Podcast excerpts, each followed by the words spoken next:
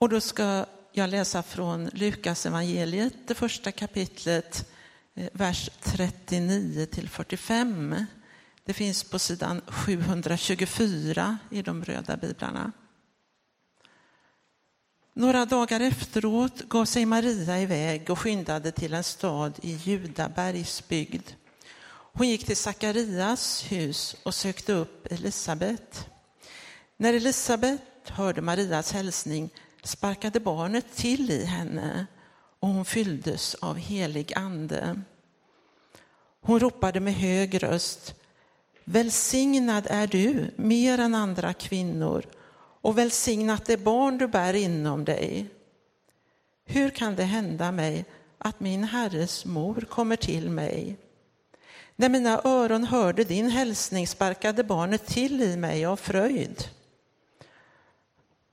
Salig hon som trodde, ty det som Herren har låtit säga henne ska gå i uppfyllelse.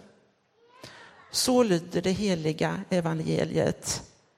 Lovad vare du, Kristus. Fjärde advent. Idag handlar bibeltexten om Herrens moder, Maria. Jag har under adventstiden i år insett att jag i min uppväxt nog varit med om väldigt många julspel. Första advent så kom jag att tänka på när jag fått spela åsna i olika julspel. Och inför idag så kom jag på att jag har ju spelat Maria i ganska många julspel. Jag kan se framför mig hur jag sveper in mig i en blå sjal, hittar någon kudde, försöker fästa den under kläderna för att se gravid ut, hittar någon kompis som spelar åsna eh, och får liksom rida eh, på den till Betlehem. Men det jag framför allt kommer att tänka på idag, det är att jag tyckte att rollen som Maria var kanske den tråkigaste rollen att få i ett julspel. Hon var inte särskilt kul att spela. Och så tänker jag så här. Varför var hon inte det?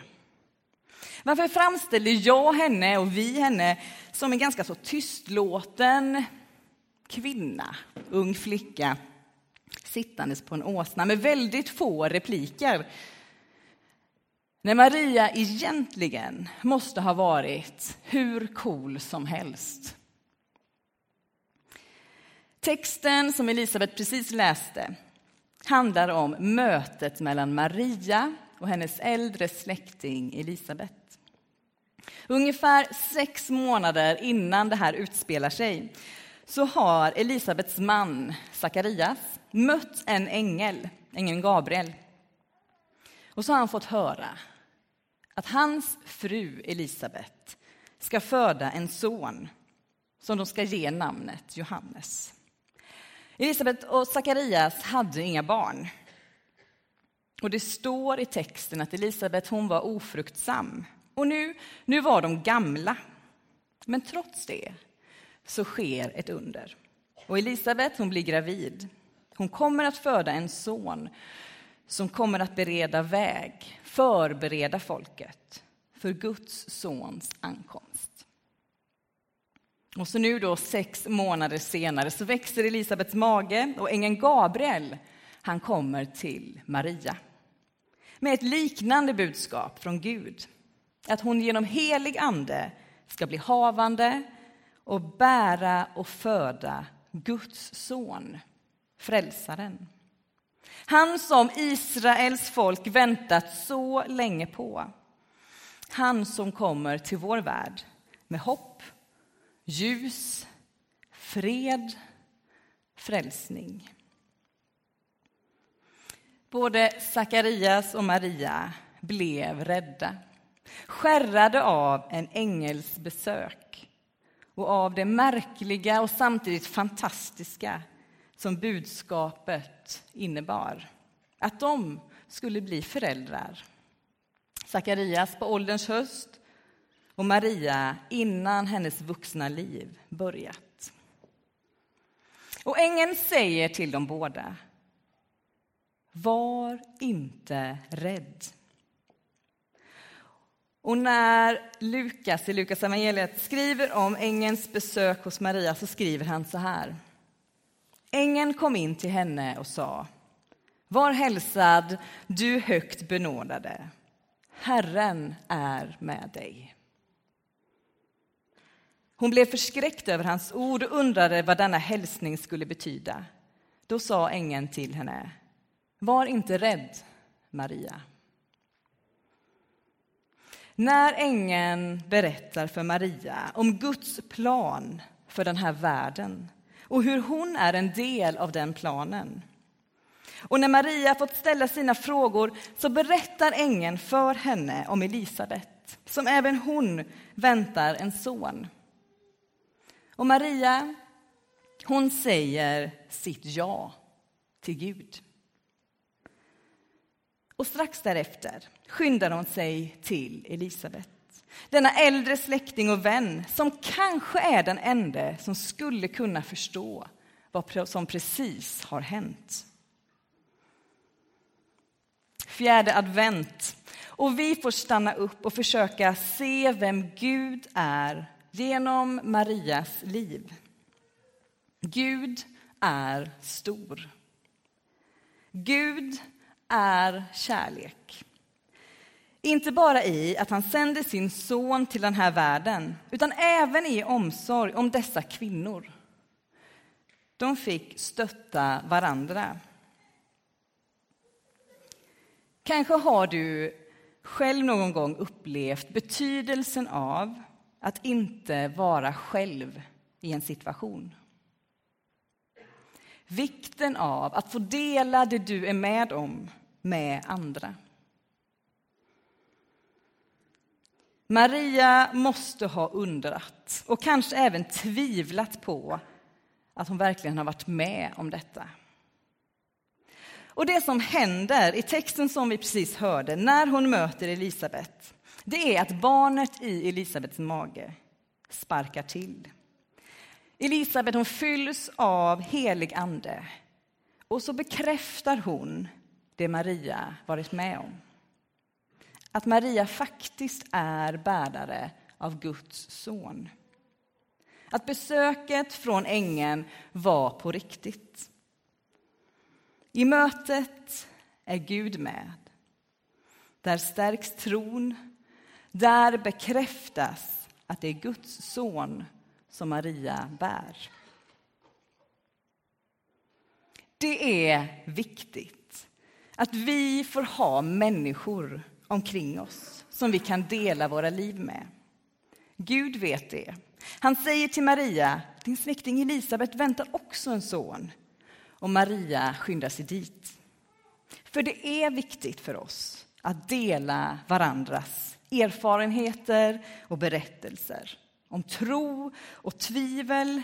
Det är viktigt att vi inte är ensamma. Och det är mycket värt att få dela sin tro med andra. Och inte endast göra det med dem som är i samma livssituation som jag själv. Att få dela med dem som kanske inte är i min ålder.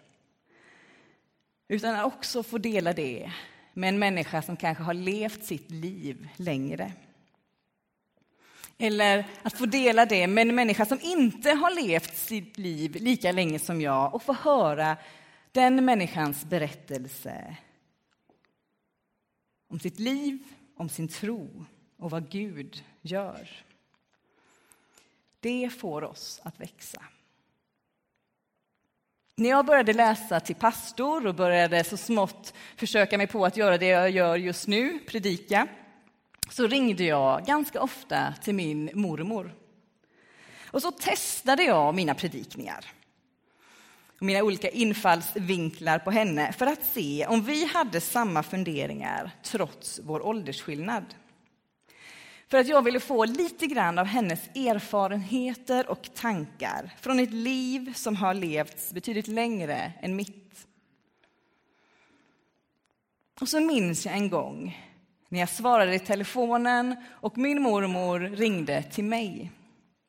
Och hon ringde för att fråga vad jag tänkte i en fråga som hon hade kring sin tro. Och jag kommer ihåg hur glad jag blev över att hon frågade mig. Över att tillsammans med henne få fundera kring de här frågorna. Med våra olika erfarenheter, men ändå på samma villkor. Det fick mig att växa.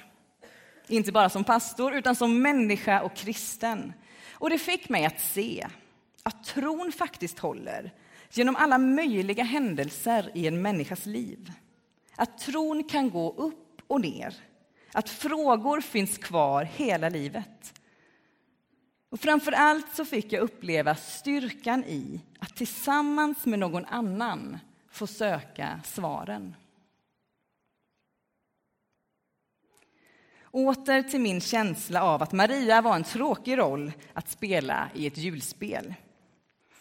Tänk om jag då förstått lite mer om Marias mod och hennes tro när jag var yngre. Hur hade jag då känt inför att spela Maria? Och hade jag gestaltat henne annorlunda? För Maria var ingen mesig person. Hon var modig. Och hon hade en tillit till Gud som jag fascineras av och imponeras av. Vilken otrolig tro på Gud. Vilken tillit. Hon tror på det ängeln säger. Och dessutom svarar hon ja på uppdraget att bära Guds son. Och hon gör det trots att hon inte vet hur hennes liv nu blir. Hon vet inte vad hennes trolovade Josef kommer säga. Hon vet inte vad hennes familj, vänner, grannar kommer säga. Men hon säger ja. Och hon litar på att Gud har allt i sin hand. Maria var öppen för det som Gud ville göra. Hon vågade kasta sig ut. Hon hade ingen aning om vad hennes ja till Gud skulle innebära för henne. Och trots det så släpper hon kontrollen om det som är hennes liv och ställer sig till förfogande. Inte lite nu och då, utan fullt ut. För hela hennes liv ändras när hon säger sitt ja. Det kommer aldrig mer bli som innan. Och det är ett sånt totalt förtroende på Gud. Det är på riktigt, för det får konsekvenser för henne och för hela vår värld och för dig och mig idag. Och det är modigt. Så Maria kanske borde ha varit min drömroll som liten. Tänk att få gestalta en människa som är så otroligt modig. En person som när en ängel kommer på besök är ärlig, för det var hon. Hon vågade även ställa sina frågor. Hon sa, hur ska detta ske? Jag har ju aldrig haft någon man. Och så får hon svar på den frågan och sen så säger hon, jag är Herrens tjänarinna. Må det ske med mig som du har sagt. Ängeln lämnar henne och hon tror att det hon har varit med om är sant. Maria får en klar uppgift av Gud. En tydlig livsuppgift med sitt liv och hon säger ja. Och ingen av oss som är här idag kommer troligen i närheten av den typen av uppgift. Men vi får alla säga vårt ja till Gud. Precis som Maria sa ja och tar emot och bär Guds son inom sig. På samma sätt så får även du ta emot Jesus i ditt liv och du får säga ditt ja. Kanske för första gången. Kanske behöver du få säga det på nytt. Kanske känner du dig tveksam till om du helt kan lita på Gud. Kanske är du rädd för att släppa taget. Kanske är du rädd för vad som kan hända om du kastar dig ut och vågar lita helt på Gud. Men Gud säger till dig, precis som till Sakarias och till Maria. Var inte rädd. Herren är med dig. Var inte rädd. Gud vill att du ska få uppleva hans kärlek som kommer till den här världen genom hans son Jesus. Gud önskar, han önskar så att du på riktigt ska förstå att du är älskad. Att du ska få hitta din trygghet och din identitet i att du är älskad av Gud. För gör du det så kan även hans verk få bli till genom dig. Gud vill att ditt liv ska fyllas av hans kärlek, hopp och frid. Och du får vara med och ge av dig själv till den här världen som Gud har skapat och älskar. Du får vara med och bära glädjebudskapet som julen handlar om. Glädjebudskapet om fred och försoning till människor i vår värld.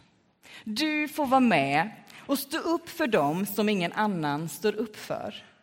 Ta hand om dem som ingen annan tar hand om. I dagarna har du kanske precis som jag fått höra om barn som sätts på flygplan från Sverige. Och kyrkorna i vårt land gör ett julupprop för att visa att detta är inte Guds väg. Låt oss tillsammans var modiga och visa på hoppet och ljuset. På jul firar vi att Gud kom till oss som ett litet barn, buren av Maria. En ung flicka som möter en ängel som säger du ska bli havande. Marias svar på det mötet är låt det ske med mig som du har sagt. Vilken tillit, vilken tro på Gud, vilken förebild. Det kan kännas övermäktigt för oss att ta in allt. Men ta då Maria som förebild. Hennes överlåtelse och tillit till Gud. Våga lita på att Gud är den som det berättas om i texterna som vi läser kring jul. En Gud som faktiskt har allting i sin hand och som älskar vår värld och som älskar dig och som säger du behöver inte vara rädd. Jag har kontrollen. Lita på att Gud ger. Ge det du behöver för att våga ta klivet. Det finns ingen av oss som vet vad som väntar imorgon. Men det vi kan lita på, det är att Gud är med. Det är klart att Maria måste ha varit hur rädd som helst. Hon måste ha haft tusen frågor om hur detta nu ska bli. Skulle hon klara av det? Det måste ha känts övermäktigt, men ändå sa hon ja. Hur är det med dig? Finns det någonting i dig som skrämmer dig, som hindrar dig att fullt ut lita på att Guds väg är möjlig? Finns det något som står i vägen för ditt ja? Ditt ja till att bjuda in Jesus i ditt liv? Finns det något som hindrar dig från att ge vidare Guds kärlek? Vet att Gud säger till dig Gud säger till dig denna fjärde advent oavsett om du är rädd eller inte. Gud säger, jag är med dig. Gud säger, jag är med dig. Var inte rädd. Jag är med dig.